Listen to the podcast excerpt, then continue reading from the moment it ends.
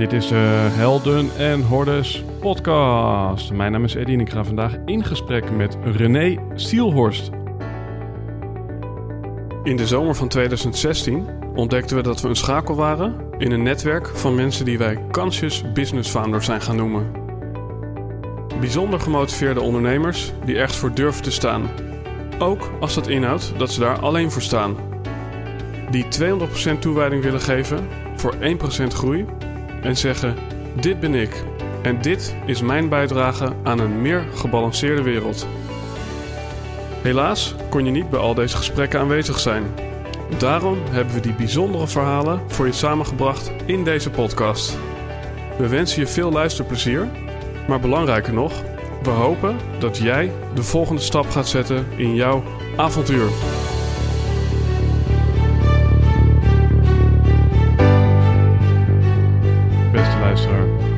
Zit jij al op TikTok? Ik dacht dat ik er nooit aan zou beginnen. En toch heb ik het maar gedaan en meteen met twee handen aangepakt. Dus sinds twee maanden zit ik erop en ik post daar ongeveer iedere dag een filmpje over de kracht van copywriting of een heel mooi videofragment uit de Helden en Hordes podcast. Dus een fragment uit de afgelopen 110 afleveringen of afleveringen soms die zelfs nog komen gaan. Uh, ja, mensen vinden het allemaal erg appetijtelijk. Uh, dus het gaat hier en daar ook viraal. En dan kan je denken, ja, ben ik niet veel te oud voor TikTok? Nou, het mooie is als je nagaat dat ooit Facebook begonnen is bij de jongeren. Het was ooit een studentenplatform, meen ik uh, mij te herinneren.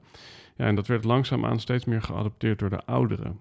En volgens mij is diezelfde beweging gaande op TikTok en probeert Instagram dat ja, hier en daar te kopiëren om een beetje bij te blijven. Dus wil je nou de leukste en mooiste fragmenten van Helden en Hordes bekijken, eddieboom.nl op TikTok. En uh, wie weet volg ik je terug en kunnen we daar verbinden. Um, ja, weer een nieuwe aflevering met René Sielhorst. Hij kreeg sport en bewegen met de paplepel ingegoten. Hij bracht zijn tijd liever buiten met een bal door dan binnen achter de boeken. Niet zo gek dat hij in 86 besloot sportleraar te worden via een studie aan de Haagse Academie Lichamelijke Opvoeding. In 1990 werd hij gevraagd te komen werken in een van de eerste bedrijfsfitnesscentra in Nederland. Vanuit dat centrum bouwde hij een internationaal bedrijf op met meer dan 250 sportdocenten, werkzaam op 60 locaties in vier landen. En toch ontbrak er iets in de dienstverlening die zich vooral richtte op sportieve mensen. Op dat moment ontstond het inzicht dat aan de wieg stond van fitcoins. We sporten niet te weinig, maar we zitten te veel. In 2014 verkocht René zijn aandeel in het bedrijf en startte met Fitcoins als zelfstandige organisatie. Een health tech bedrijf waar je via een app op je telefoon punten kunt sparen wanneer je vaker gaat lopen en fietsen.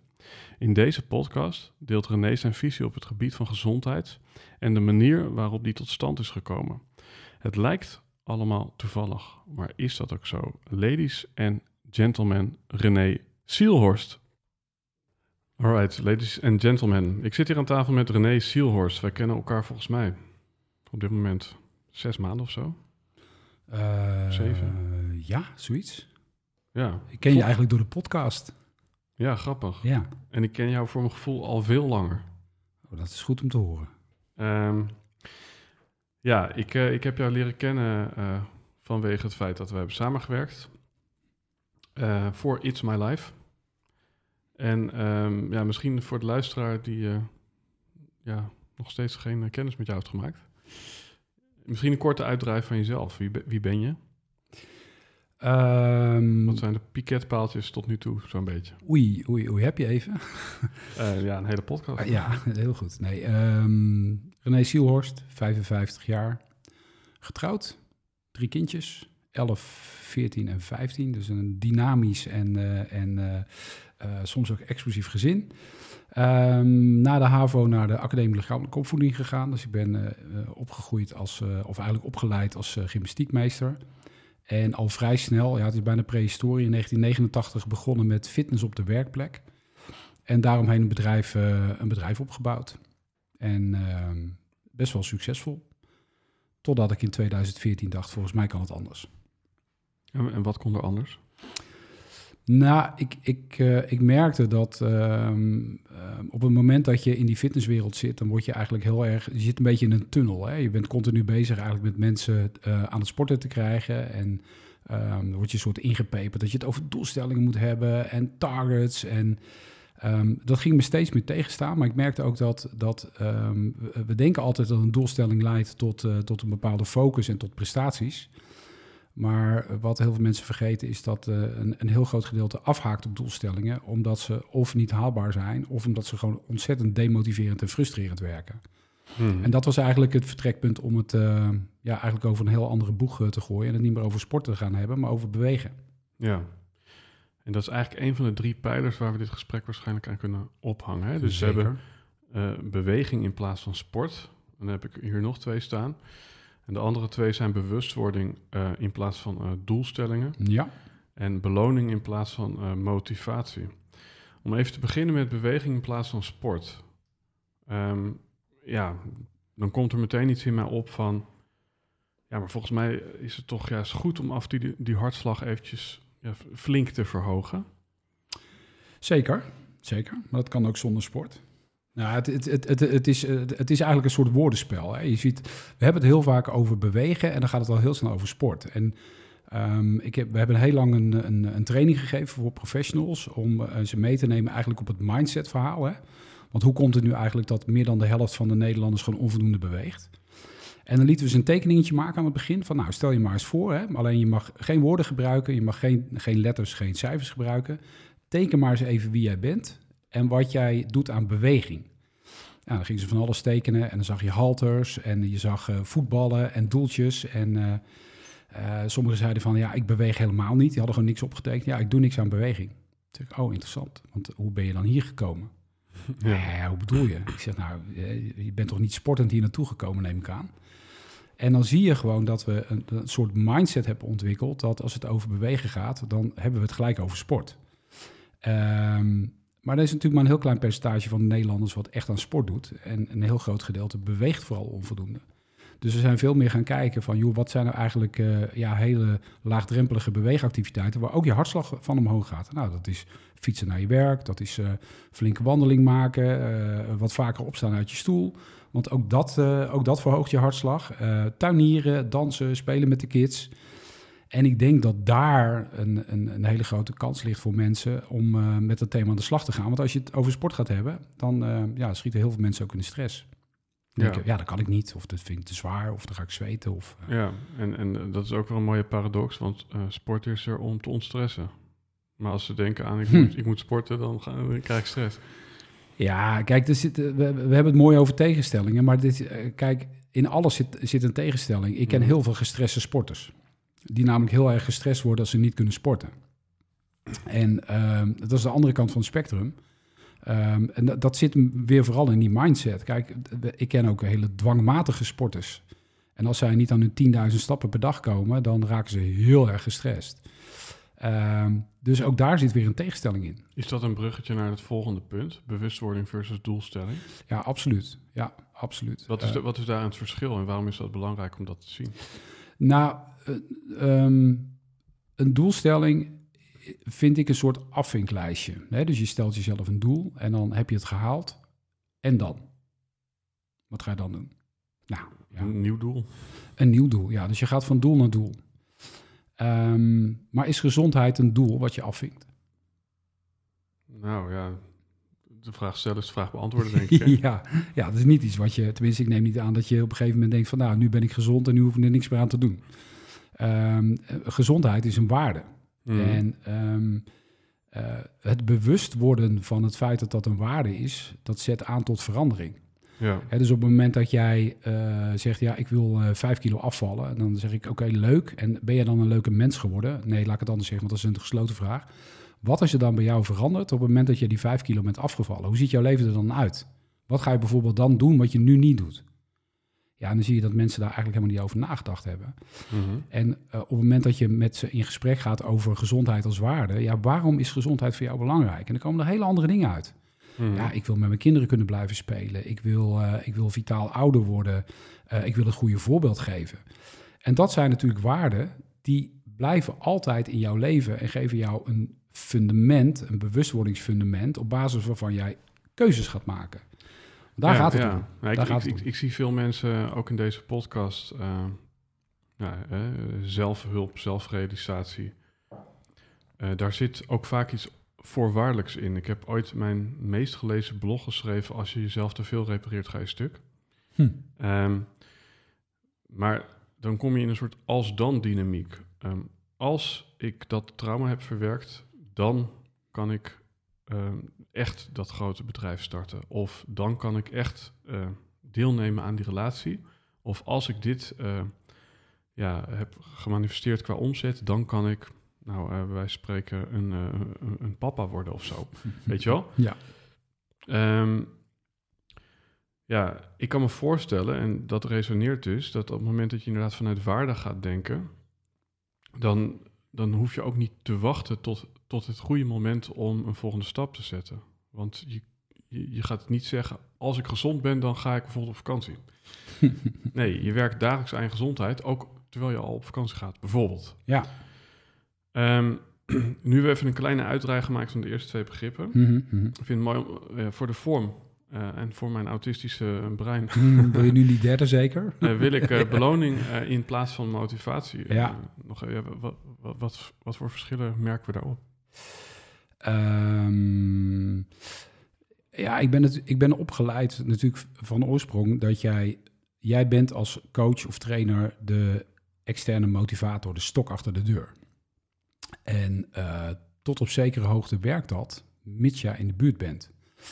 Het is natuurlijk niet realistisch dat mensen hun hele leven een, een trainer bij zich hebben die ze uh, elke keer bij spreken slaat op het moment dat ze niet in beweging komen. Um, ik, ik, ik had vanmorgen een gesprek met iemand en zei ik ook, uh, ga, ik ga de vraag even aan jou stellen. Wat de, uh, de, als, je, als je kijkt naar de wereld, hè, wat is nou eigenlijk het wereldwijd het meest succesvolle gedragsveranderingssysteem dat wij kennen? Social media. Nee, want het bestaat al honderden jaren. Oké. Okay. Um, gedragsveranderingssysteem, ja, dat, Ja. Is, dat is denk ik denk toch pijn, plezier en daarmee misschien beloning. Of uh, afwijzing. Nee, nee, het is echt door de mens bedacht. Uh, geld. Geld. Oké, Exact. duurde even, duurde even. Exact. Maar daar denken we niet over na, want het is natuurlijk heel vanzelfsprekend. Maar geld is een beloningssysteem voor als je gaat werken. Ja.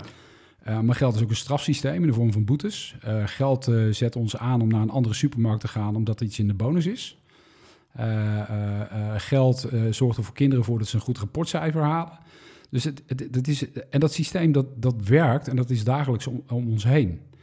En um, ja, daar, daar zitten twee kanten aan, hè? belonen en straffen. Nou, ik ben absoluut niet van het straffen, maar wel van het belonen. En um, alleen motivatie, ja, dat is vaak niet genoeg. Hè? Als je kijkt naar motivatie, uh, en als we dan even specifiek rondom het thema bewegen gaan kijken, dan moet er vaak in het leven van mensen echt iets ingrijpends gebeuren.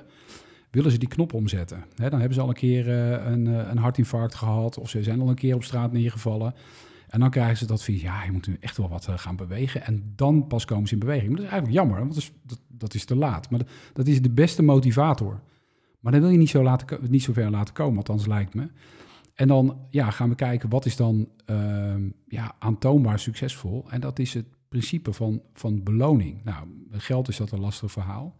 Dus we hebben daar een soort puntensysteem omheen gemaakt. En ook dat werkt. Want kijk maar eens om je heen naar de bonuspunten en de air miles en noem het maar op. Uh, wij zijn toch heel erg gevoelig voor dat soort beloningen. Dus we hebben de beloning centraal gesteld. Hè, zorgen dat er een, een, positieve vibe rondom het thema gaat, uh, gaat ontstaan. Uh, en wij zijn ervan overtuigd dat dat, tenminste, ik ben ervan overtuigd dat dat beter werkt dan, uh, dan altijd maar die stok achter de deur. -hmm. Ja, maar als je bijvoorbeeld bepaalde waarden hebt, dan heb je die beloning ineens niet meer nodig. In, in, het, in vorige kopje waar we zaten. Nee, dat, dat klopt. Dat klopt. Alleen je, je hebt ergens een, hè, als je een vuurtje wil laten ontbranden, moet je, heb je ergens een vonk nodig. En um, wij, zitten, wij, leven allemaal op de automatische piloot. Eigenlijk is 95% van wat we doen is geautomatiseerd gedrag. Dat is heel functioneel, want als we dat niet zouden doen, dan was je s'morgens al een paar uur bezig met alle keuzes die je moet maken. Alleen we maken er heel veel onbewust. Dat is fijn. Hè? Je hebt je vaste ontbijtritueel, vaste mm-hmm. opstaanritueel, aankleden, douchen, noem het maar op. Dat gaat helemaal vanzelf. Um, maar op het moment dat je wil gaan veranderen, dan, dan komt er ergens een knip in dat geautomatiseerde systeem. En wij, wij vinden dat niet fijn. Ja, ga zelfs naar de supermarkt en ze hebben ineens jouw favoriete product ergens anders neergezet. Nou, dat is echt super irritant. Zeker als ze de hele supermarkt opnieuw hebben ingedeeld. Moet je weer helemaal je patroon eh, zien, eh, zien te vinden. Ehm, dus dat betekent dat je, je hebt ergens iets nodig in het leven van mensen om ze aan te zetten tot die verandering. En over het algemeen, en dan ga ik een beetje in tegen andere gasten die, je, eh, die jij hier gehad hebt. Een, een boodschap over gezond leven komt maar heel beperkt bij mensen aan. Het komt eigenlijk alleen maar aan bij de mensen die al openstaan voor je boodschap. Ja. Maar die gaan ook iets doen als jij er niet bent. Dus dat vind ik eigenlijk niet zo'n interessante doelgroep. Ik vind het heel erg interessant mensen in beweging te brengen die nog helemaal niet met dit thema bezig zijn. En die gaan dus niet eh, geenthousiasmeerd worden door een overheidscampagne die jou aanzet om, aan- om te gaan bewegen. Want die staan niet open voor die boodschap. En nou, waar ik de, de afgelopen tien jaar mee bezig ben geweest, is van hoe, krijg, hoe krijgen we die mensen nou, want die vind ik het interessantst, hoe krijgen we die mensen nou in beweging? Nou, dan moet je het op een andere manier aanvliegen. En dat begint dus met belonen. Dus Ja. op het moment dat jij een beloning in het vooruitzicht stelt, dan zijn mensen bereid om, in in ieder geval getriggerd om te gaan kijken, hé, hey, maar wat is het dan, hè? Dus we hebben de beloning, onze spaarpunten heten fitcoins. Nou, dat is echt een buzzwoord. Dus mensen denken, hè, bitcoin, fitcoin. En dan zijn ze eigenlijk al een beetje nieuwsgierig. En dat is precies wat we willen bewerkstelligen. Want dan willen we eigenlijk dat ze gaan kijken van, ja, wat is dit nou eigenlijk? En dan zien ze, oh, dat is eigenlijk heel makkelijk om te verdienen. Het maakt mijn leven leuker. Dat is eigenlijk waar het om gaat, fun en engagement. Ja. Nou, eh, wat moet ik ervoor doen? Ja, alleen maar lopen en fietsen. Oké, nou, eh, dan ga ik wel een keertje fietsen. Hè, of ik haal de kinderen een keer eh, lopend op in plaats van dat ik de auto pak. Of ik parkeer hem wat verder. En dan verdienen ze allerlei leuke punten. En daar kunnen ze ook gave dingen mee doen. Dus de, nou ja, dan weet je, je hersenen gaan dopamine aanmaken. En dan zie je dat de kans dat het gedrag zich gaat herhalen, dat dat, dat, dat groter wordt. Ja, en ehm, wat zijn dan die beloningen? Ja, dat is, dat is heel specifiek. Hè. We, hebben, we hebben eigenlijk een platform wat erop gericht is om eh, communities te bouwen. Hè. Dus net zoals dat je met, eh, met Facebook groepen kan maken of met LinkedIn eh, je bedrijf kan promoten, hebben we eigenlijk een platform waarbij entiteiten, nou, ingewikkeld woord misschien, maar bedrijven, scholen, gemeenten, communities kunnen bouwen rondom het thema bewegen. Want dat is, dat is de grote drijfveer. Maar ze kunnen het ook zelf inrichten. Ja, dus op het moment dat jij zegt van nou, ik, zit in een bepaalde wijk en eh, veel mensen zitten in een lage economische positie, dan kan je bijvoorbeeld zeggen, nou, we zetten de zwembadkaartjes in. Nou, dat, dat is iets wat mij persoonlijk heel erg raakt. Hè. Mensen gaan bewegen. Ehm, ja, die kunnen ineens een keer gaan zwemmen met de kinderen. Mhm. Nou, dat, dat vind, Ja, dat vind ik gewoon super tof om te zien. Ja. Ehm, ga je bij een... Dus dat is even ge- gek ding, hè? Ik, ik breek gewoon even in van... Wat, wat maakt dat dat je zo raakt? Want er, er zit dus iets van compassie of... ja, Ja. Waar, waar, komt dat precies vandaan? Wat, wat, wat is dat in jou? We hebben, hebben even een persoonlijke noot. Ja, ik heb, ja, ehm, ik, ik heb altijd een ontzettend sterk rechtvaardig, rechtvaardigheidsgevoel gehad. En eh van kleins af aan. En ik, ik ben op een gegeven moment ben ik sportacademie gaan doen. En waarom? Ik vond dat sporten heel erg leuk. En ik merkte eigenlijk dat in die studie ging het mij steeds meer tegenstaan. En waarom, het ging, waarom ging het mij tegenstaan? Omdat het ineens werd gekoppeld aan cijfers. Ga ik mijn tentamen halen? Eh, je moest dan eh, voor cijfers, eh eh, eh, cijfer draaien noemden ze dat dan. Dat was letterlijk en figuurlijk. Hè, moest je, moest je, voor je punten moest je gaan sporten. En dat haalde voor mij totaal plezier uit het, uit het bewegen weg. Waardoor ik echt op het punt heb gestaan om gewoon met die studie te stoppen. En ehm, hè, dus, dus ehm, rechtvaardigheid is voor mij een hele belangrijke kernwaarde. En onafhankelijkheid. Want ik wilde niet meer afhankelijk zijn van de goedkeuring van iemand die mij beoordeelt op basis van wat ik doe. Ehm, en ik merk, ik merk dat ook eigenlijk in, eh, als het gaat over thema's als, als gezondheid, dan wordt er over mensen gesproken en niet met. En we proberen ons niet te verplaatsen in wat houdt mensen eigenlijk tegen om het te doen.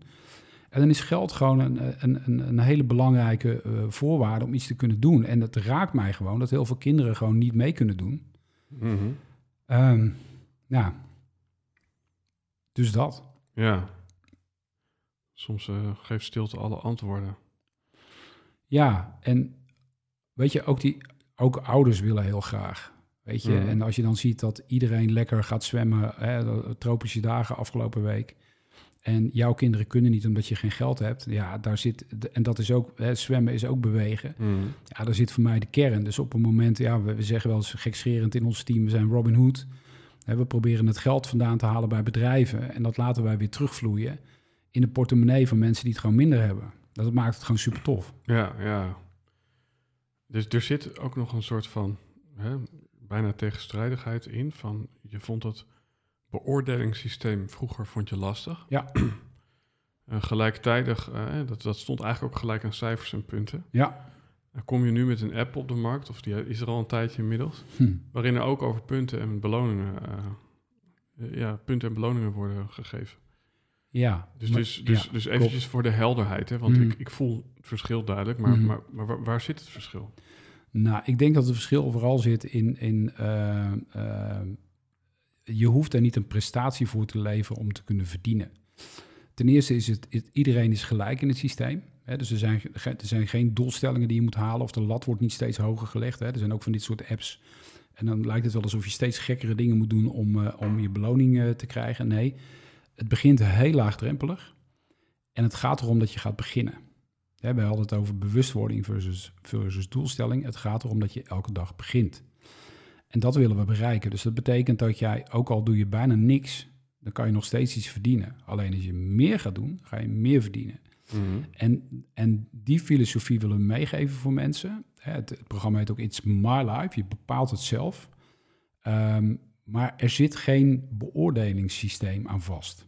Hè, Mhm. We zitten niet, eh, je krijgt niet punten op basis van het feit dat je een doelstelling bereikt. Nee. Het, het is, eh, ehm, ieder, in het systeem is gewoon iedereen gelijk. Ja, dus, dus er is een duidelijk verschil schijnbaar tussen iemand beoordelen of iemand belonen. Ja, Ja, absoluut. En eh, het begint allebei met een B, maar ik vind het wel mooi om die eh, distinctie met een duur woord even te maken. Mhm. En ehm, ik zei net al, in stilte zitten alle antwoorden. Ehm, misschien ook mooi om deze weg even in te slaan. Ehm Tibor, die hier ook aan tafel heeft gezeten, die zeggen antwoorden eh, zitten in beweging. Dat is trouwens eh, ook weer een mooie paradox, want Richard de Let, die jij ook kent, die zei Mhm. stilte geeft alle antwoorden. Mhm. Daar, daar ontstaat namelijk de helderheid om naar de overkant te kijken. Als, Zeker. als het water niet troebel is. En dan zegt Tibor, antwoorden zitten in beweging. Hoe, hoe, hoe kijk je allereerst even naar deze twee manieren van, eh, van invulling? Ja, het is allebei waar. Tenminste, het is allebei waar. Ik, ik vind dat het allebei waar is. Ik, ehm, sowieso heel veel, ja, heel veel antwoorden ontstaan in stilte. Maar ook in beweging. Als je, Mhm. je kan het heel technisch bekijken. Ja, we- weet je, als je gaat bewegen, gaat er meer zuurstof naar de hersenen. En dan eh, hè, beter door bloed kom je tot creatievere oplossingen. Dat is eigenlijk het hele technische, technische verhaal. Ehm, maar wij, wij, wij, wij zijn in principe eh, gemaakt om te bewegen, maar we hebben te weinig stilte. Hè, we zitten in zo'n vaart van eh, ja, de hele red race waar we mee bezig zijn, dat je soms ook door de snelheid waarmee je zelf door het leven beweegt, niet meer ziet wat er om je heen gebeurt. Dus ik, ik denk ook dat je af en toe stil moet staan. Hè, dat hoort er ook bij, om gewoon even rust te hebben om te kijken wat gebeurt hier nou eigenlijk. Je kan ook niet je hele leven in beweging zijn. Het is, eh, ja, ik gebruik altijd een beetje de metafoor. Ja, de meeste mensen hebben een automaat tegenwoordig in een auto. Maar als je vroeger nog zo'n schakelpook had, dan heb je eigenlijk in je leven, als het gaat om bewegen, heb je ook vijf of zes versnellingen.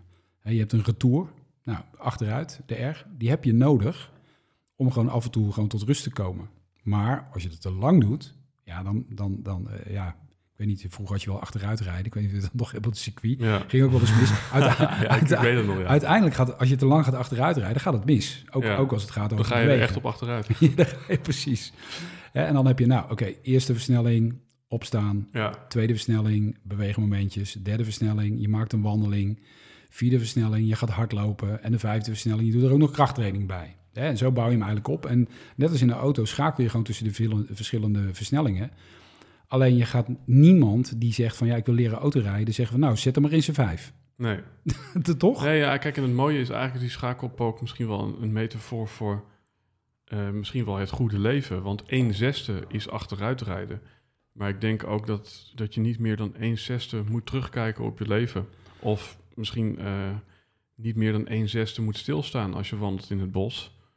Ehm, want dan kom je nooit thuis en dan, eh, Nou, dan heb je misschien te weinig gegeten en gedronken. ja, precies. Ehm, eh, maar hetzelfde geldt, ja, je moet ook niet meer dan 1 zesde op z'n allerhardst rijden. Namelijk eh, Nee. in zijn vijf, in zijn vijf of in zijn zes. Nee, nee. Ehm, dus, dus volgens mij zit, zit er onbewust misschien heel veel in deze eh, metafoor. Ehm, wat ik, wat ik misschien, ja, omdat- omdat er gewoon toch ook wel heel veel in zit, wel leuk vind om toch even die afslag, afslag te nemen van, Mhm. Van, van beweging. Ehm, ja, als we dat dan wel even technisch bekijken. Eh, of het nou gaat om het voeren van een goed gesprek of inderdaad wat er lichamelijk bij je gebeurt. Dus wa- wa- waarom eh, ben je zo bewogen over beweging? Ehm, nou, ik, ik sowieso, ik, ik was een heel bewegelijk kind. En ik vond stilzitten echt een straf. En ik, eh, ik was toen, toen ik op de basisschool zat ook redelijk mondig. En ik ging ook steeds de discussie aan met mijn, met mijn... Toen had je nog veel leraren op de basisschool. Ging hele de discussie aan. Waarom ik altijd stil blijven zitten? Ik vond, ik vond het echt verschrikkelijk. En zodra ik uit die stoel kon en ik kon eh, gaan bewegen, of ik eh, kon weer even trefballen, of ik kon het schoolplein op, ja, dan was ik gewoon een, dan was ik gewoon een, eh, een blij ei. Ja, dan ga je naar de middelbare school en, en daar is het eigenlijk niet anders. En ehm, je bent je op die leeftijd ben je daar niet zo bewust van. En dat is misschien nu als je terugkijkt, dan herken je dat. Maar op het moment dat je erin zit, dan heb je het helemaal niet door. Alleen, ik merkte gewoon dat ik opbloeide als ik naar de gymles kon. En daar was ik goed in. Ik had verschrikkelijke hekel aan studeren. Want dan moest je ook stilzitten en daar had ik gewoon de rust niet voor. Kon gelukkig makkelijk leren, dus ik fietste er altijd wel figuurlijk. Fietste ik eh, door, die, door die klassen heen. Maar waar ik echt blij van werd, dat was de gymles en dat kon ik ook goed. En dus eigenlijk heb ik ook gewoon, ja, zonder na te denken gezegd... ja, ik ga naar de sportacademie. Helemaal niet realiserende dat je natuurlijk wel opgeleid wordt voor het onderwijs. Ik dacht, ja, gewoon lekker sporten een beetje de hele dag. Ehm, dus, dus het is eigenlijk wel van jongs af aan eh, is het erin gegoten. M- mijn vader en mijn moeder waren allebei sportief, hè, dus je krijgt dat vaak van, van jongs af aan eh, mee. Ehm, maar het, is, het, het thema bewegen is eigenlijk ontstaan omdat ik zo gefrustreerd ben geraakt over sporten. Mhm. Gefrustreerd door mijn eigen ervaring op de sportacademie. Maar ook gefrustreerd in mijn, mijn eerste bedrijf wat ik opgezet heb op het gebied van bedrijfsfitness. Dat we continu maar bezig waren om, om letterlijk en figuurlijk mensen in een hokje te krijgen. Het was echt een hokje met apparatuur. En we probeerden mensen erin te krijgen. Alsof dat het, e- de enige manier van bewegen is. En ik, ik heb daar jarenlang ook in geloofd. Weet Ja. je, ik, en, eh, dan kom je met allemaal van die dooddoeners van... Ja, weet je, dan kwamen mensen... eh dan ging ze ook bellen, hè. Op het moment dat ze dan niet kwamen, ging ze bellen. Dan zeg je, hey, eh, hey Eddie, waarom was je er niet? En dan zeg je, ja, ik had geen tijd. En dan zei ik, nee, het is geen kwestie van tijd. Het is een kwestie van prioriteit. Weet je, allemaal die dooddoeners. En dan later zei ik dan, had ik daar gelijk in? Ja. Maar ging het werken? Nee. het werkt gewoon natuurlijk helemaal niet. Want het is, weet je... Straffen. Zeker zin. Jazeker. Ja, nou dan was ik weer de stok achter de deur. Ja. Letterlijk. Om, om, eh, en we- wij noemen dat dan heel interessant in de branche, noemen we dat retentiemanagement. Dan ging je iemand bellen die niet meer kwam. Want anders was je bang dat het abonnement werd opgezegd. En dat zeg ik even, even chargerend. Maar ik werd er op een gegeven moment zo ongelukkig van. Ik had het gevoel dat ik iedereen achter zijn broek aan moest zitten. Ik snapte niet waarom mensen niet kwamen. Hè, ze hadden een fantastische faciliteit op het werk. Ja, waarom komt maar 10% van de mensen hier binnen? Moet je even kijken. Er zat gewoon voor 5 ton aan apparatuur. En ehm, ik woonde op dat moment in Den Haag. Ik had eh, eh, een leuk appartementje. Ik ging meestal ging ik met mijn mountainbike ging ik, eh, naar het stadhuis... waar mijn fitnesscentrum binnen was. En op een gegeven moment, het, het regende pijpenstelen. Ik denk, weet je wat? Ik geloof het wel een keer. Ik ga met de, met de, met de tram naar het, naar het stadhuis, stop voor de deur. En ik geloof het wel. En dat was het moment voor mij dat ik dacht: wat hebben we in godsnaam een idiote, absurde wereld neergezet met elkaar? Want wat gebeurde er? Ik doe mijn voordeur open, mijn eigen voordeur. En die doe ik weer dicht. En dat is de enige deur die ik van A naar B zelf heb opengedaan. Dus ik loop met mijn parapluutje loop ik naar de tramhalte. En dan komt de tramhalte, moet je op zijn knopje drukken. En dan gaan de deuren open. Ik naar binnen. Tram elektrisch brengt mij naar het stadhuis van Den Haag. Dan kom je bij de hoofdingang, dat is een grote draaideur, zo'n tourniquet. Maar uh, daar staat zelfs op dat je niet mag duwen. Dus stel je voor dat je wat lichamelijke energie verbruikt. Die deur die gaat zelf. Mhm. Nou, vervolgens kom je bij de lift. Het fitnesscentrum was op de negende verdieping. De deur van de lift gaat vanzelf open. De lift zzzt, brengt me naar de negende verdieping. Deur open. Kom ik bij het fitnesscentrum. Daar zit zo'n bewegingsmelder. Woet, de deur zwaait open. En dan kom ik binnen in een ruimte waar voor een half miljoen een apparatuur staat om mij in beweging te brengen. Ja, Met airco's, ja. met stroom. Ja, nee, het, het is krank. Het, het is, ja, Het, is- eigenlijk is het gewoon krankzinnig. Kijk, weet je, het, het, het is goed dat het er is, hè. Maar het bizarre van, van dat inzicht was... oké, wij, wij richten onze maatschappij en onze wereld dus zo in... dat we zo min mogelijk hoeven te bewegen. Want dat verkoopt namelijk, hè. Als jij een apparaat eh, verzint waarmee je zittend op de bank... een sixpack kan krijgen... dan gaan ze als warme broodjes over de toonbank... want daar hoeft lekker niks voor te doen. Eh, dus, maar dan gaan we een heel kunstmatig concept er tegenover zetten. Een heel arbeidsintensief concept. Economisch heel erg verantwoord natuurlijk, hè, want er wordt geld mee verdiend, maar dat is logisch. Om eigenlijk mensen weer in beweging te brengen, terwijl we de rest van de maatschappij erin richten om het niet te doen. ja. Nou, als je het hebt over tegenstrijdigheid, was dat voor mij echt een wake-up call. Dat ik dacht, dit moet en kan anders. Dit moet en kan Precies. beter. ja. Los van het feit dat ik, dat ik eh, hartstikke goed vind dat al die faciliteiten er zijn. Hè? Dus laten we wel wezen, er zijn gewoon onwijs veel mensen die daar dankbaar gebruik van maken. En dat moet ook zeker blijven. Alleen het is niet de oplossing voor het grote maatschappelijke probleem wat we hebben, namelijk bewegingsarmoede. Nou ja, kijk, eh, ik heb hier eh, twee keer met Ralf Moorman gezeten. Ik heb met hem ook aan zijn propositie mogen werken. En toen kwamen we tot de citaat, eh, noem het de slogan... omgeving is sterker dan wilskracht. Eh jou eh, niet onbekend inmiddels, denk ik, die term. ja, ja. En ik kan me inderdaad voorstellen uit jouw verhaal van... die omgeving, dat is natuurlijk gewoon je fysieke omgeving. Ja. Maar in deze tijd is dat ook je telefoon. Ja. Ehm, en volgens mij is, is Bitcoin ja, in, een, in zijn woorden obese omgeving. Mhm. ehm, ja, dat is bijna een inzicht wat ik hier krijg. Weet je, kijk, als ik door die supermarkt loop en er staan er allemaal ongezonde producten. Er staat namelijk eh, Mars bij de kassa en geen snoeptomaatjes. Mhm. Ehm, wat volgens mij al een hele simpele ja, wijziging is waar je heel veel mee kan bereiken. Maar goed, er is nog een dominantere eh, ja, omgeving. En dat is namelijk dat je waarschijnlijk ook een paar keer op dat mobieltje kijkt in de supermarkt. Zeker. En als je daar nou inderdaad bitcoins verdient, dan heb je als het ware met, met het concept bitcoin eh, iets nog dichter eh, op, de, op het reptiele brein gezet van de mens Mhm. dan ja, misschien wel de fysieke omgeving. Ehm, net noemde je het al even, hè, van wat, wat ik ook een mooie vond is, mensen worden eigenlijk niet meer uitgenodigd om te bewegen, maar daarvoor moet de wereld ehm, heel, be- heel bewegelijk worden. Dus, dus de wereld moet zelf deuren open en dicht gaan Ja. Dan hebben we het natuurlijk over klimaat ook. Ook, Ehm, zeker. over energie. Mhm. Dus er is volgens mij een drietrap. En dat is klimaat. Dat is één component. Mhm. Eh, eentje is gezondheid. Mhm. Maar eentje is volgens mij ook even in mijn woorden menselijke interactie. Zeker. Of community, of Ja. hoe, hoe, hoe je het wil noemen. Als we kijken naar beweging en de voordelen daarvan op deze drie niveaus. Dus zou je, zou je er dan iets over willen vertellen? Van wat betekent bewegen voor je gezondheid? Wat zijn nou interessante highlights? Eh, wat betekent het voor je sociale interactie? En wat betekent het uiteindelijk voor de wereld? Eerst even terugkomen waar je mee begon, hè, die fysieke omgeving. Ehm, eh, professor Willem van Mechelen van, eh, van, de, van de VU Amsterdam, die, die zegt het ook heel mooi. Hè. We, we hebben in, op dit moment meer dan de helft van de volwassen Nederlanders heeft overgewicht. En 2,3 miljoen mensen in Nederland zijn obese. Ehm, als je kijkt naar bewegen, is de helft van de volwassen Nederlanders beweegt onvoldoende. En bij de jongeren tussen 12 en 18 is dat zelfs 75% beweegt onvoldoende.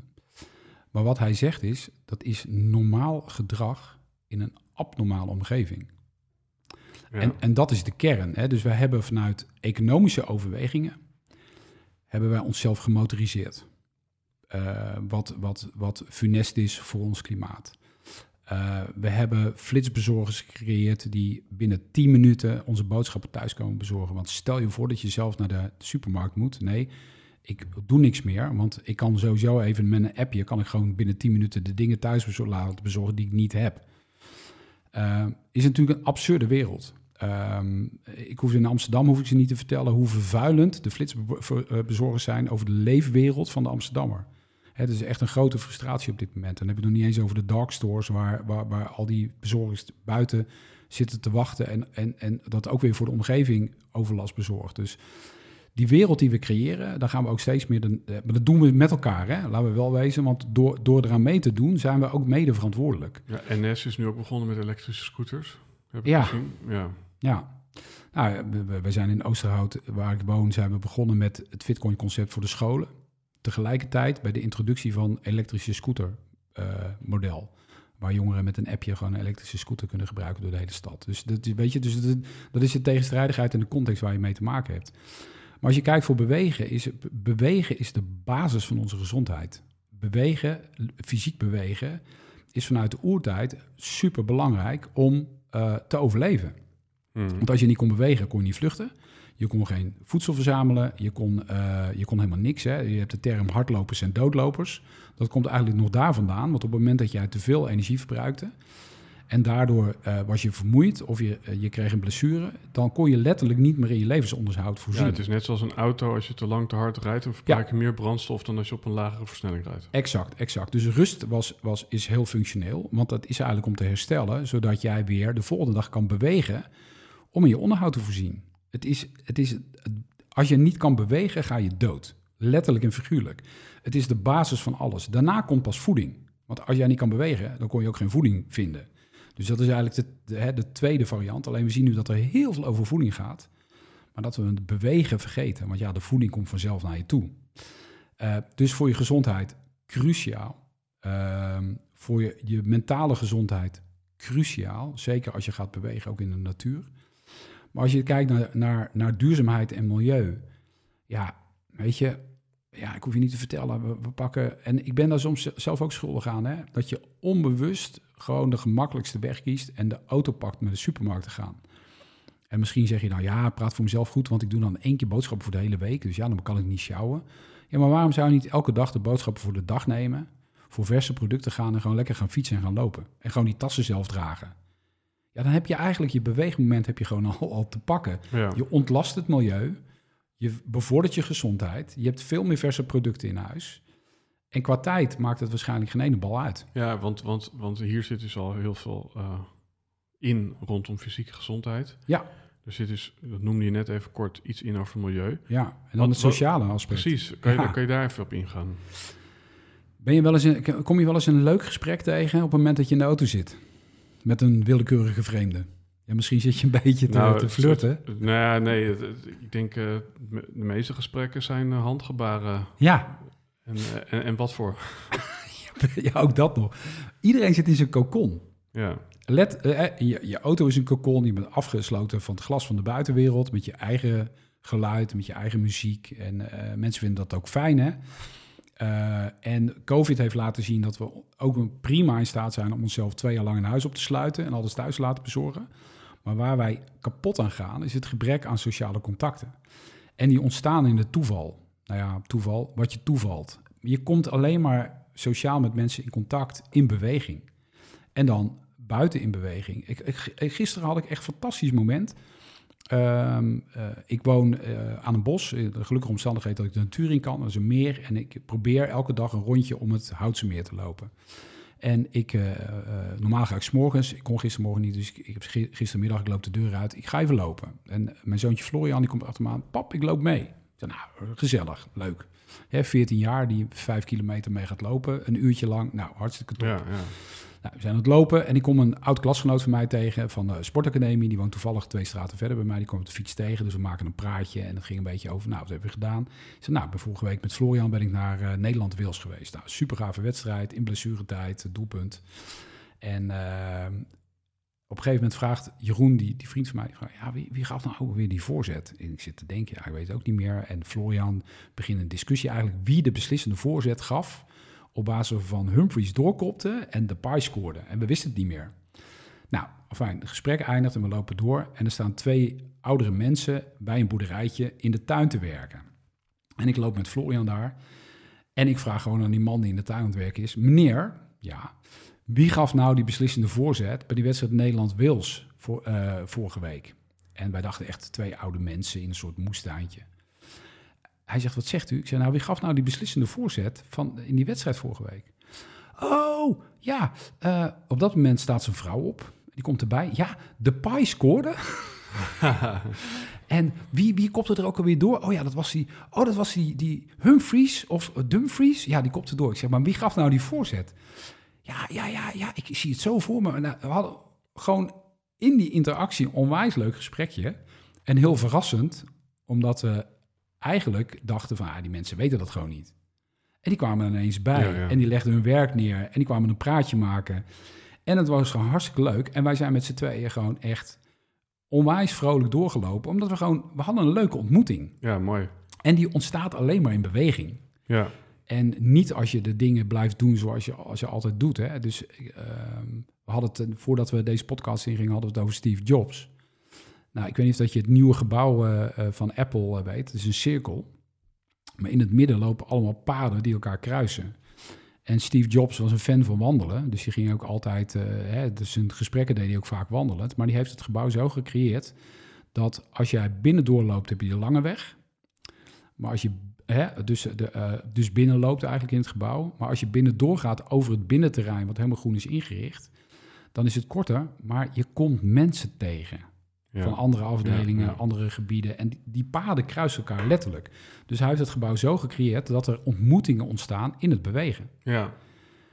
Ja, en daar worden wij mensen blij van. Ja, nou ja, ik, eh, onze paden, als het ging over ontmoetingen, dan was het in dit geval virtueel. Maar we hebben samen het boek Synchroniciteit gelezen. En daar gaat het, Ja. over, gaat het over ongewone ontmoetingen. Ja, ja. En ehm, nou, het zal dus misschien iets met luiheid te maken, maar ik, ik zie dat wel als, nou ja, op zijn minst een even groot probleem als we bewegen te weinig.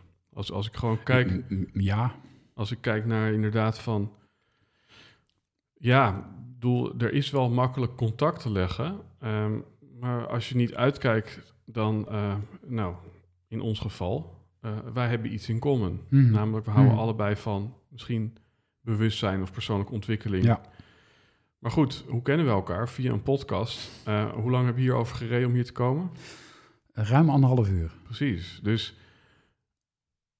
mensen op kernwaarde vinden is denk ik heel makkelijk geworden. Eh, maar de prijs die je betaalt is een afstand eh, die je waarschijnlijk zittend in een kokon aflegt. Ja, met alle gevolgen ook voor het milieu enzovoort. ik ga elektrisch, dus dat scheelt. Ja. Maar praat ook, niet, praat ook niet altijd al- Nee. alles goed, hè? Nee, nee dat, eh, eh, ja, ik ben het helemaal met je eens. Ik, eh, ik, ik rijd, mijn, dochter, mijn, mijn jongste dochter is elf, die gaat volgend jaar naar de middelbare school. En ik fiets elke ochtend met haar mee. Ze komt zelf naar huis, maar ik fiets altijd met haar mee. En dan, dan spreek ik wel eens ouders die zeggen, ja, joh, weet je, ze gaat volgend jaar, volgend jaar naar de middelbare school. Waarom fiets jij mee? Ik zeg, nou, dat heeft helemaal niks met veiligheid te maken, maar één, ik heb een één op één momentje met haar. We hebben een druk gezin, maar s'morgens op de fiets zijn we met z'n tweeën. Ja, Dus krijg ik heel veel dingen te horen die ze vertelt. Maar het leuke is, op het moment dat ik op school kom, dan zijn er ook altijd andere ouders. Je maakt even een praatje. eh, er, zijn ook, eh, er zijn ook ondernemers bij, die komen even langs. Je hebt interactie. En mijn dag begint gewoon veel beter op het moment dat ik s'morgens al die sociale contacten heb gehad. ja. Het, het, het, het maakt mijn brein creatiever.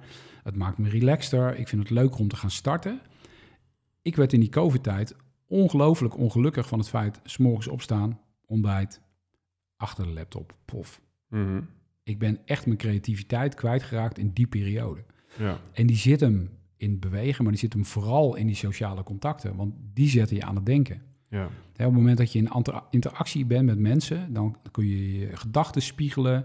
Je, kunt, eh, je komt op ideeën, je, je ziet andere dingen. Hè. We hebben het ook over, over bewustwording in plaats van doelstelling. Nou, je kunt elke dag eigenlijk weer opnieuw beginnen.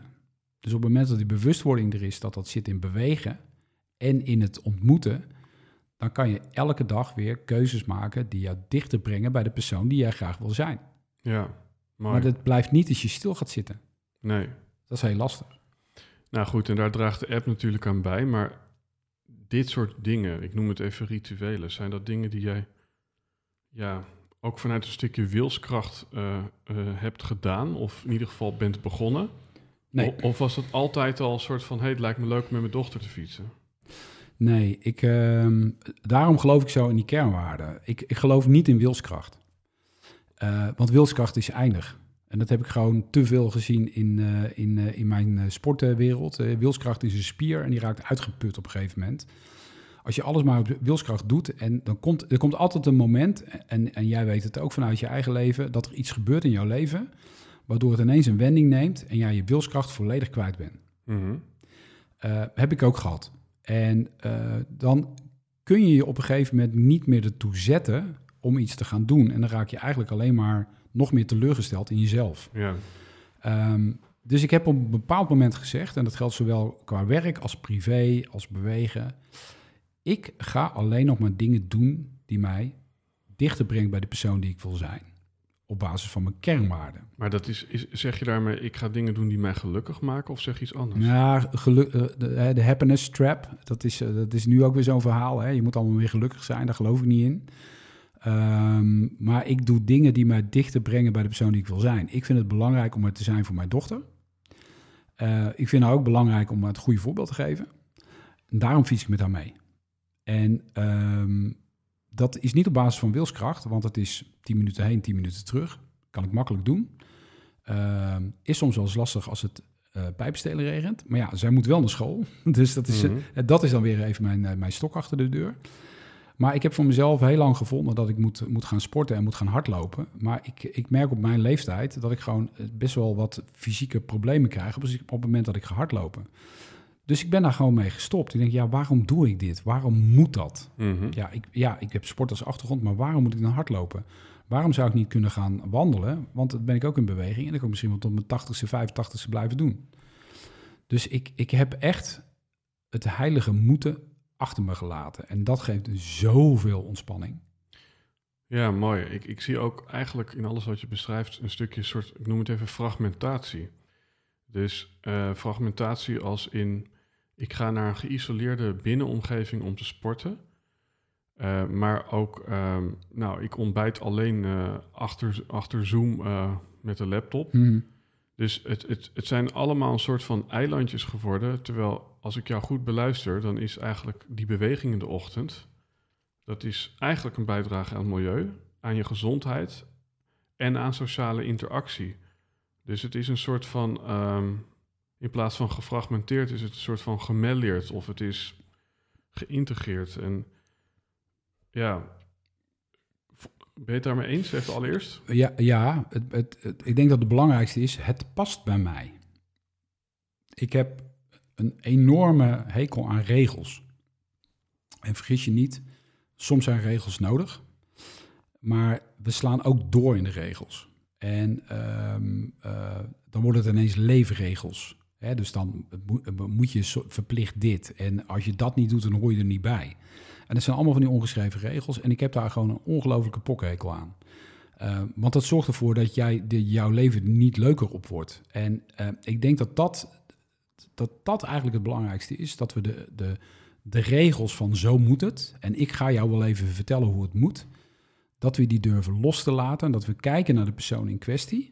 En, en dan zeg ik altijd, elke stap in de goede richting is een stap in de goede richting.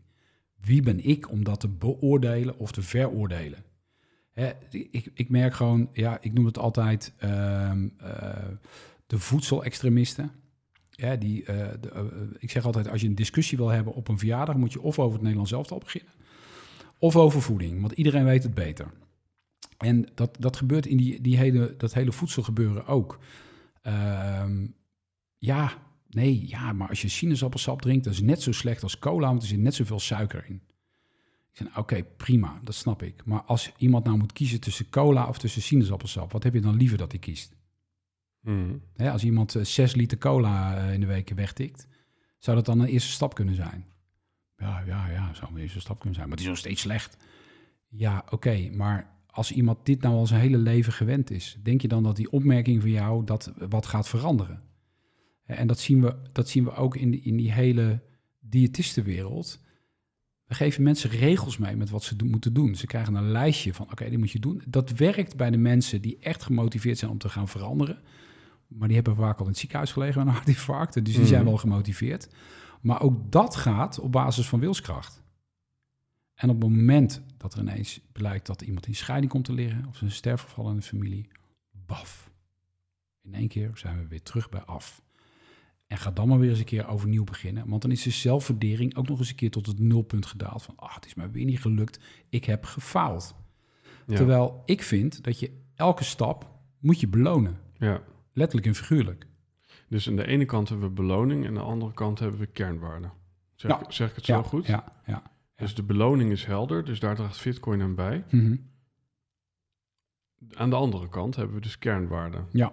Wat zijn jouw kernwaarden? Zijn die anders dan die van het bedrijf allereerst? Eh, nee, want anders matcht het niet. Het is eh, onafhankelijkheid, hè, it's my life, is, is echt een van onze belangrijkste kernwaarden. Dat betekent dat we dat in het bedrijf al hebben ingebouwd. Dat we bijvoorbeeld, hè, we willen echt onafhankelijk blijven. Er wordt enorm aan ons getrokken eh, eh, nou, door allerlei organisaties. Hè. Kunnen we participeren?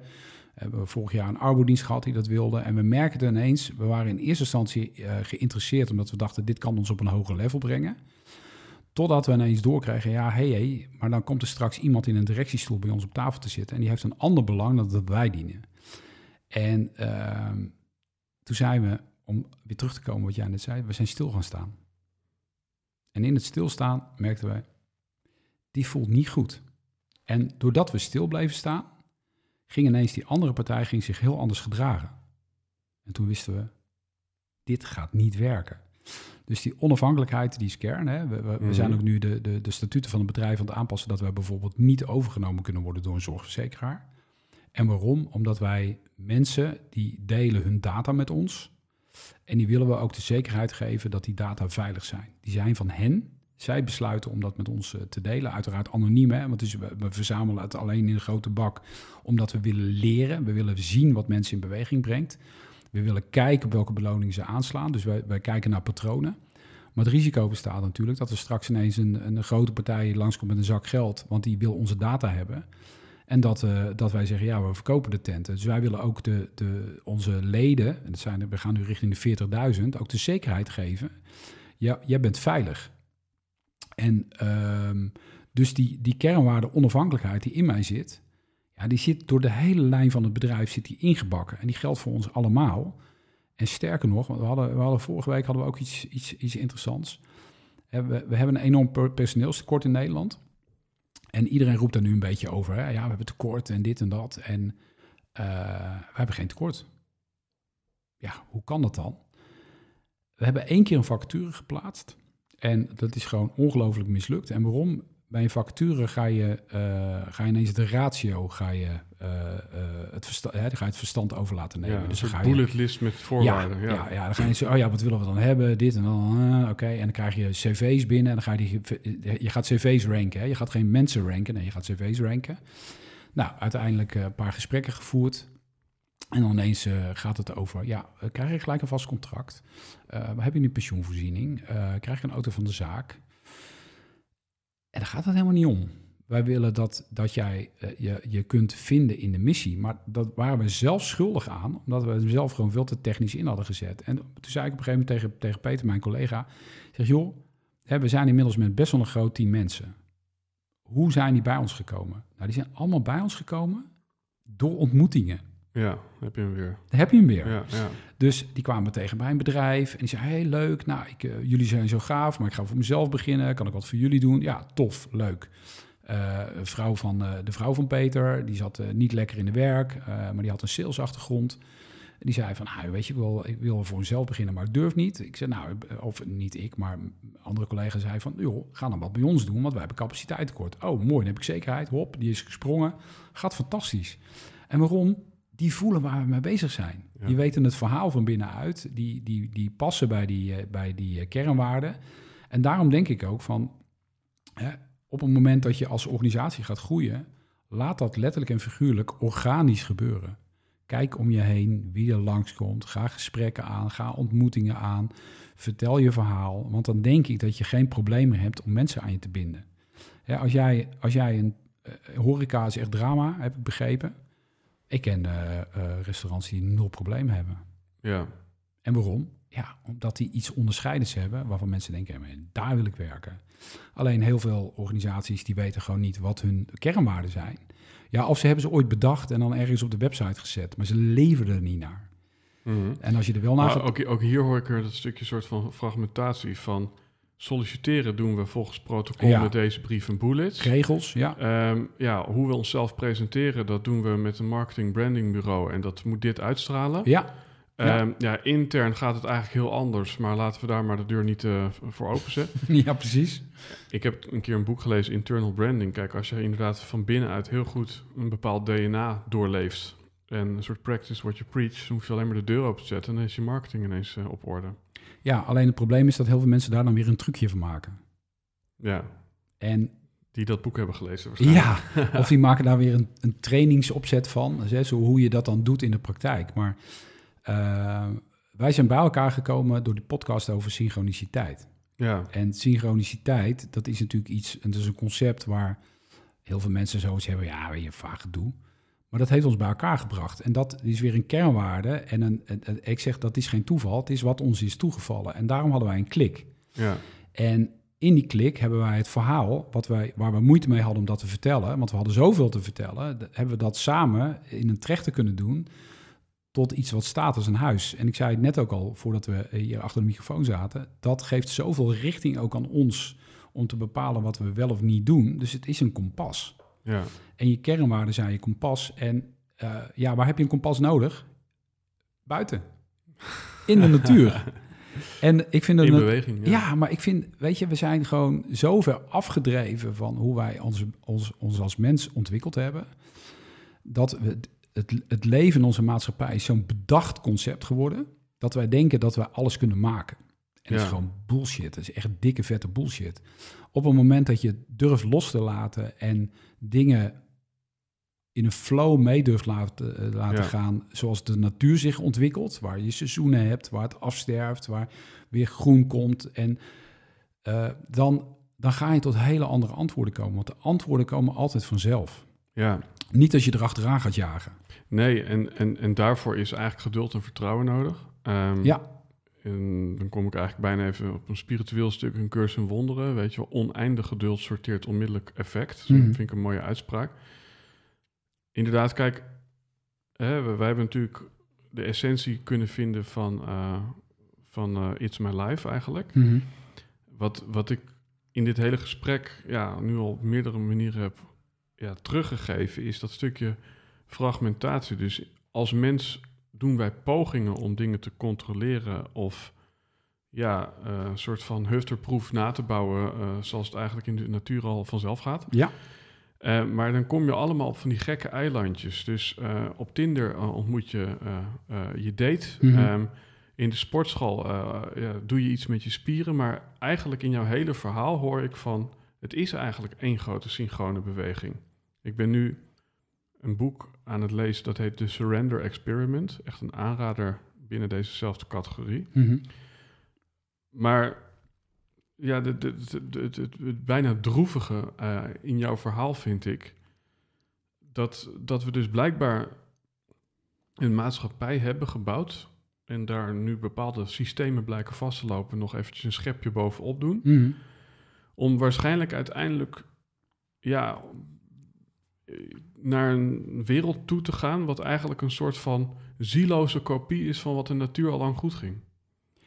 Ja, het wordt bijna een computergame. Ja, We zitten gewoon in een soort parallel universum waar we een soort poppetjes zijn die, die denken dat alles maakbaar is. En ja, het, het klopt helemaal wat je zegt. Hè. Ik, ik, ehm, ik, ik, ik zat in 2018, was ik enorm aan het worstelen. Het ging niet lekker met het bedrijf. Ehm, en ik was, ik was ook heel erg in mijn hoofd bezig. En toen dacht ik van, joh, ik, eh, eh, mijn vrouw Heidi, die wilde toen op een retraite gaan. Die ging op een yoga-retraite en die ging naar, eh, naar, eh, naar Spanje toe.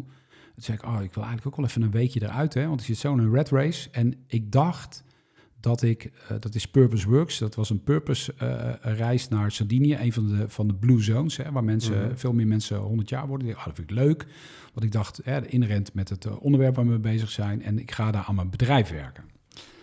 Maar dat bleek gewoon een heel erg persoonlijk ontwikkeltraject te zijn. En een van de eerste opdrachten die we kregen, joh, teken jouw levenslijn eens uit en zet daar de punten op die voor jou keerpunten waren in jouw leven. En dat zorgde voor Mooi. inzit dat er gewoon, er zijn gewoon een aantal ontmoetingen geweest. En die hebben ervoor gezorgd dat ik ben waar ik nu ben. En Ja. dat dat zijn, ken je de film Sliding Doors? Mm, Van naam, maar ik heb het niet gezien. Aanrader. Dat, is, dat verhaal begint met iemand die de metro wil halen. En de ene keer eh, krijg je een verhaallijn als hij de metro mist. Oh ja. En een andere verhaal als hij de metro haalt. En die verhaallijnen die gaan totaal uit elkaar lopen. Ik zal geen spoiler alert, Nee, maar nee, ga nee. die film kijken, want het is echt heel erg bijzonder. En eigenlijk ga je realiseren van, oké, als dat nou in mijn leven niet gebeurd was, waar was ik dan terechtgekomen? En dan ga je eigenlijk zien dat als je dat op gaat tellen, dat er zoveel momenten zijn in jouw leven dat er dingen gebeuren, dat kan geen toeval zijn. Die, die, die, die, die brengen jou waar je nee, bent. ik- en dan, ja, fantastisch, fantastisch. Kijk, ik wil een, eh, even een box Ja. even voor de camera. Dan gaat mijn broertje daar nu zo'n geluid onder monteren. Horen nou ja, omdat, omdat dit resoneert dus. En dat heeft ook te maken met openstaan. En misschien is er altijd al synchroniciteit, maar zie je het ook? Weet je Mhm. wel, zie je ook die ongewone ontmoetingen? Ik had een krankzinnige situatie in de sauna, notabene in de sportschool. Eh, dat is alleen een uh, mannensauna, dus... eh, ik krijg al een beeld. dus ja, een, een- eigenlijk al een ongemakkelijke context. Ja, ja. En zeker als je dan oogcontact krijgt, ook nog met een man. En dat je zoiets voelt van, we moeten even iets uitwisselen. dus ja. tot nu toe is denk ik een, een soort van... Als ik, het, als ik als hier het beschrijven van een boek start, dan denk je wel welke kant gaat dit ja, op, weet je wel? Ja, ja. Dus ik ben wel gelijk geïnteresseerd. En die man die, eh, die sprak Engels. En die bleek mij twee weken daarvoor gemaild te hebben. Wist ik veel. ehm, maar ik had die man... Nou, ik had wel een vermoeden dat, ik- dat, dat we daarom... Maar blijkbaar, de- die keer daarvoor was het ook donker en die hele sauna zat vol. Mhm. En dan hadden we ook een gesprek gehad. Maar ja, dat, dat, ja, er komen genoeg mensen. Ik ga zo vaak naar sauna's en toestanden. Maar goed, die man had mij dus gemaild over... eh, ja, kan je me de link geven van de podcast? En bleek dus iemand te zijn die dus uit Portugal kwam... en daar paniekaanvallen had gehad, eh burn-out had gehad... en uiteindelijk als antwoord ging heel diep ging in een soort van Joe Dispenza... ken je waarschijnlijk, maar ook in ijsbaden Wim Hof... Mhm. En nou ja, twee weken later voelde ik me een beetje soort van shit. Ik heb niet eens gereageerd op die mail. Dus ik zei dat eerlijk. En toen kwam er een soort deel 2 van dat gesprek. Waarin ik echt het gevoel had: deze gast die gaat mij leren. Want eh, die, die, nee, die is jonger. Dus Mhm. ik ga hem dingen leren. Ook over anxiety. Eh, ik heb zelf last van hypochondrie. Ik heb Mhm. er veel over gelezen en gedaan. Ik ga binnenkort eh, een Engelse podcast opnemen met iemand uit Bali. Die een fantastisch verhaal heeft over hoe hij zijn angst heeft overwonnen. Dus ik denk, nou, ik ga deze jongen wel even wat leren. Dan drinken we een keer een biertje. Ja. Nou, lang verhaal kort. Deze jongen eh, bleek mijn teacher te zijn. En Hm. op zo'n niveau dat ik krijg kipvel ik zeg dat ik echt denk van... Ik kon hem niets vertellen wat ik niet dubbel en dwars weer terugkreeg in de vorm van... Shit, dan heb ik het 180 graden verkeerd geïnterpreteerd. Mhm. En deze jongen, die komt dus nu binnenkort in de podcast. Ehm, in het Engels. Mhm. Wat meteen dus een opstapje is om te oefenen met een gesprek in het Engels. Om daarna die anxiety guy, want zo heet hij, te Mhm. interviewen. Mhm. Maar dat, dat is echt zo'n ding waarvan ik denk, sleutelmoment. Ehm, het gesprek met die jongen heeft heel veel in beweging gebracht. Mhm. Op het moment dat ik zelf in de Dark Knight of the Soul zat. En, en nou ja, ik, Gaaf. eh, het is best wel een, een lang uitstapje. Maar de- het is denk ik een heel mooi voorbeeld van... Ja, waar deze podcast misschien naast beweging ook over gaat. En dat zijn ongewone ontmoetingen. Ja, maar dat, dat, die, die, die komen in beweging. En eh, ehm, vind het, ik vind het gewoon zo'n su- super tof verhaal. Hè. Ik, ik bedoel, ik, ik, ik vond me van mezelf altijd van, joh, ik sta heel stevig op de grond. Ah, spiritualiteit vond ik wel een beetje, weet je, zo'n... eh, eh, ik kreeg een beetje bultjes van, zou mijn collega zeggen, weet je. Van, oké, dat is weer nieuw, zo'n nieuwe hype. Maar kijk, ik heb wel altijd geloofd dat er iets, iets meer is tussen hemel en aarde. Ik ben niet, niet, niet religieus of godsdienstig, maar ik heb altijd gezegd, ja, er is wel iets. En ehm, dat eh, op het moment. Ik, eh, op het moment dat je ervoor open gaat staan, ga je ineens ongelooflijk veel dingen zien. Dat is, dat is echt gewoon bizar. Ik, ehm, nou, ik vertelde al, ons team is eigenlijk heel organisch ontstaan. En uh, mijn collega Bjorn, een super toffe vent. Uh, we hebben één keer in de maand hebben een, een teammeeting en we proberen steeds een andere locatie te vinden. En hij, al, hij zegt, joh, ik heb iets heel gaafs. Maar kom er maar naartoe. En dat was het, het Veerhuis in Varik. En nou, ik kom een beetje uit die buurt, maar ik ken dat hele Veerhuis niet. Ontzettend vervallen gebouwtje zit nu een soort biologisch uh, in en een expositieruimte. En boven was een kamertje hadden we gehuurd om te vergaderen. Maar in de lunch kwamen we in gesprek met, die, met de twee eigenaren. Wat bleek nou? Dat, dat, dat veerhuis zou afgebroken worden. Maar dat was een beetje het houvast van het dorp. En zij hadden eigenlijk dat huis gekocht met, de, met crowdfunding. Mm. En uh, uh, dus het was nu van het dorp. Ze hadden het met elkaar. En iedereen deed als vrijwilligers werk mee. En zo, zo konden ze voor de community konden ze dat in stand houden. En die vent die was zo gedreven in wat hij vertelde. Maar die zei ook van ja, weet je, het, het meest bijzondere concept wat we in de wereld hebben, uh, hebben bedacht, is dat wij ooit hebben bedacht dat grond eigendom is van iemand. Hij zegt, what the fuck? Grond eigendom van iemand? Wij, wij, wij, wij leven hier allemaal op. Hoe kan het dan een eigendom zijn van iemand? En hij wil de aarde weer teruggeven aan de aarde. En hij heeft ook een kruitocht. Dan gaat hij letterlijk met een kruiwagen met grond. Gaat hij allerlei instanties af. Maar wat ze ook doen dus, als er grond beschikbaar komt... dan gaan ze gewoon met de community eh, in Varik, kopen ze dat. Dan gaan ze met elkaar huizen ontwikkelen. En uiteindelijk de opbrengst van de grond gaat weer terug naar de huiseigenaren. Ja. ja het is gewoon, weet je... Want ja, fantastisch concept. Nou, wij zitten daar. Ik ben helemaal geïntegreerd door die man ik stap in mijn auto om naar huis te rijden en ik rij zo een beetje door het landschap en ik krijg ineens een ingeving. Op basis van de manier waarop ze dat gedaan hadden, ik denk, dit gaat doorbraak worden voor ons platform. En ik rijd door en ik stoplicht pak ik de snelweg om uh, uh, de afrit op de snelweg op te rijden. En terwijl ik op die afrit rijd, vliegt er een ooievaar. Nou, die komen niet veel voor in Nederland. Een, ooievaar ongeveer twee meter boven mijn raam met die vleugels wijd. En die zweeft zo boven mijn auto zo mee de snelweg op. Ik zei, nou jeetje, dit is tof hè. Dit is toch bijzonder. dus ik had helemaal kippenvel. Ik denk, nou gaaf. Nou, uh, lang verhaal kort, om even jouw woorden te gebruiken. Ik neem dat mee. Maar wat gebeurt er? Ik zie steeds vaker ooievaars. Ik ben aan het wandelen met Heidi, er ligt een ooievaar. We zijn op vakantie in Italië, ik rijd op de snelweg, ik kijk naar rechts. En ik zie drie ooievaars in het veld staan. Ja, dat is raar hè. Maar misschien is er wat in mijn mindset veranderd. Nou, op een gegeven moment heb ik die, van die purpose reis heb ik weer een bijeenkomst. En er staat iemand, een, uh, die maakt hele gave foto's met verhaaltjes erbij, met hele bijzondere dingen die je in eerste instantie niet ziet. Maar zij maakte dan met één of twee woorden maakt ze ineens een ander beeld van. En ze heeft ze laten foto zien. Ja, wat zie je hierbij? Nou, ik zag wat. En zei ze, ja, dus het leuke is, iedereen denkt dat. Maar als je goed kijkt, staat er op de achtergrond een ooievaar. Nou, what the fuck, wat krijgen we hier? Weer die ooievaar. Dus ik sta daarna met iemand te praten. Ik zeg, nou, is ook een verhaal. Dus ik vertel dat verhaal van die ooievaar. Hij zegt, nou, hij zegt, joh, ken jij het begrip totemdieren? Ik zeg, nou, ik heb nooit van gehoord. Hij zegt, nou, de ooievaar is een totemdier. Moet je maar eens even op gaan zoeken wat dat inhoudt. Dus ik gelijk scrollen. Nou, dat blijkt dus voor nieuw begin en overvloed te staan. En dat was precies in lijn met de gedachten die ik had toen ik daar de snelweg op reed. Ik denk, nou jeetje, dit is, is echt bizar. Dus ik, ik was daar helemaal eh, lijp van. En daarna heb ik nog een feestje bij mijn zwager. En ik stap in de auto om naar huis te rijden. En ik rijd de A4 op bij Roelof Aardsveen. En wat zit er daar op een lantaarnpaal? Een ooievaar. Nou, vanaf dat moment heb ik ook zoiets, ja weet je, als je eenmaal open staat en de rust durft te hebben om dingen binnen te laten komen, dan ga je het vanzelf zien. Ja. En ik heb altijd heel veel dingen nagejaagd. Ik ben ontzettend gedreven ook om dat platform succes te maken en om Nederland in beweging te brengen. Maar ik heb nu geleerd dat ik de beste antwoorden komen als ik in beweging ben en afstand neem. En dan komen ze vanzelf. Als ik het na ga jagen, komt het niet. Nee. En het grappige is, de antwoorden worden ook beter. Ja. Ja, prachtig.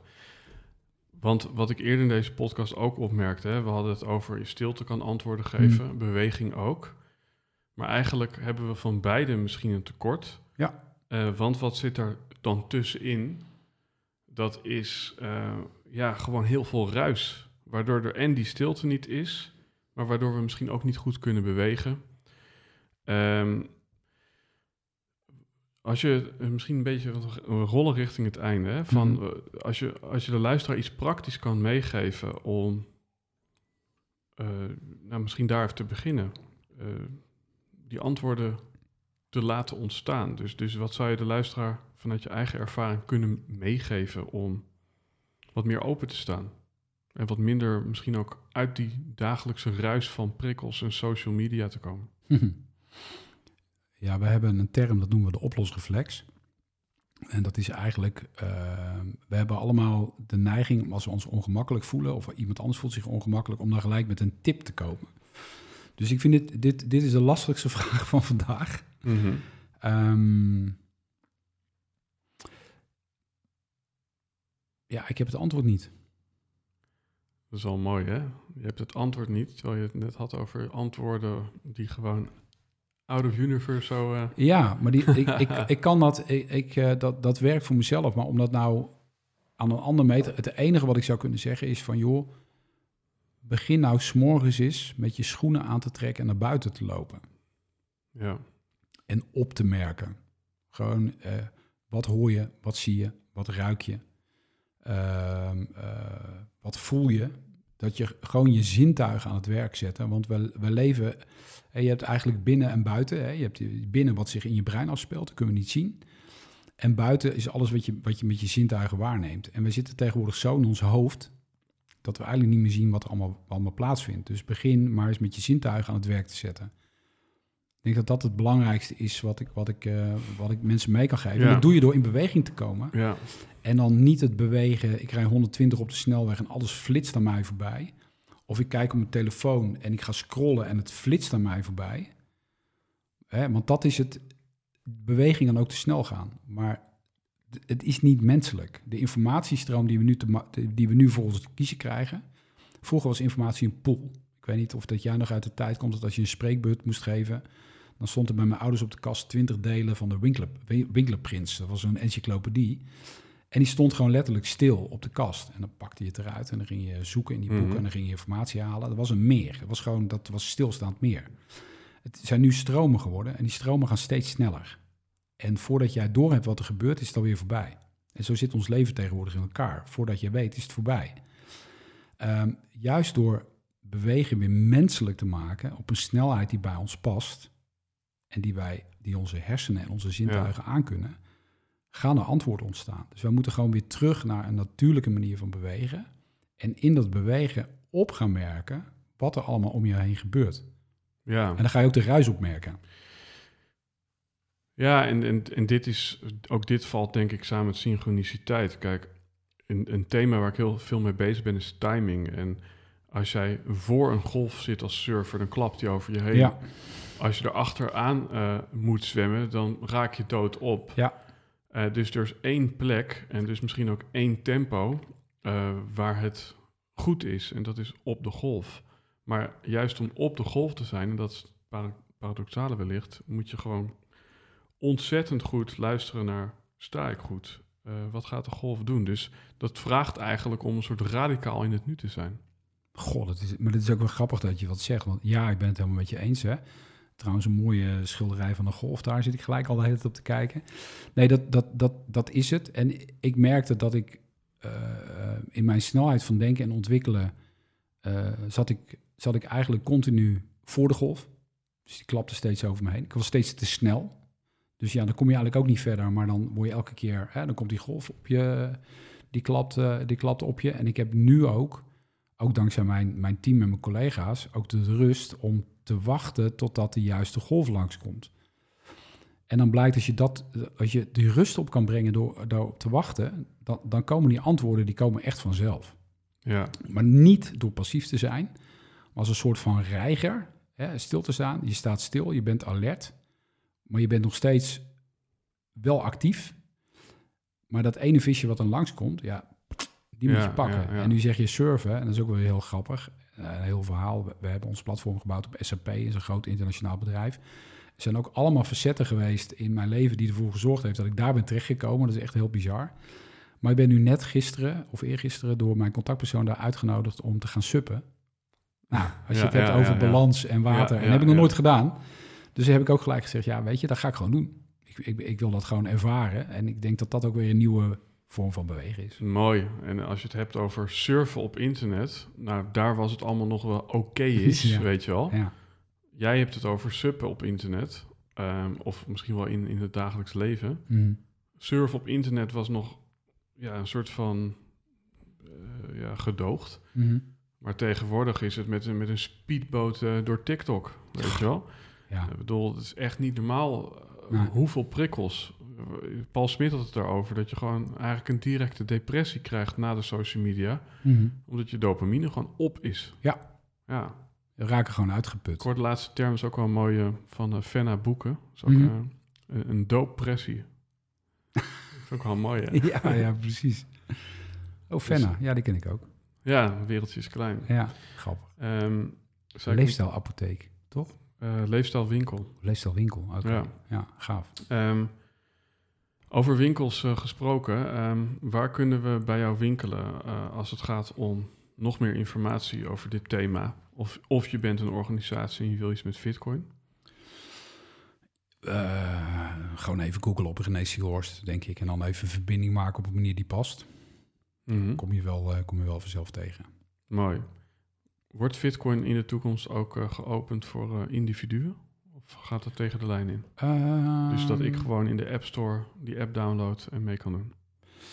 Dat is een, dat is een hele interessante. Ik, ehm, het, is, het is wel mijn intentie dat we daar naartoe gaan.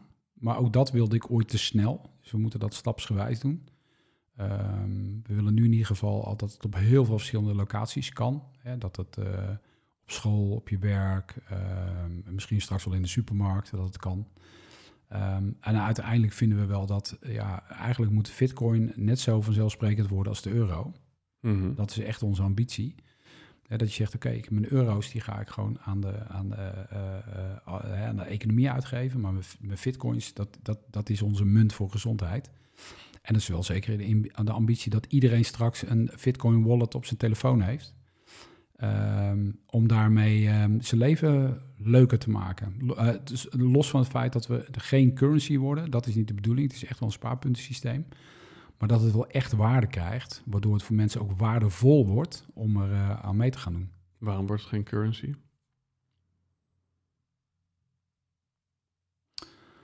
Ehm, ik denk dat we dan in een ander speelveld eh, terechtkomen. En eh, als ik nu zie wat er bijvoorbeeld... Komt er inflatie op je gezondheid?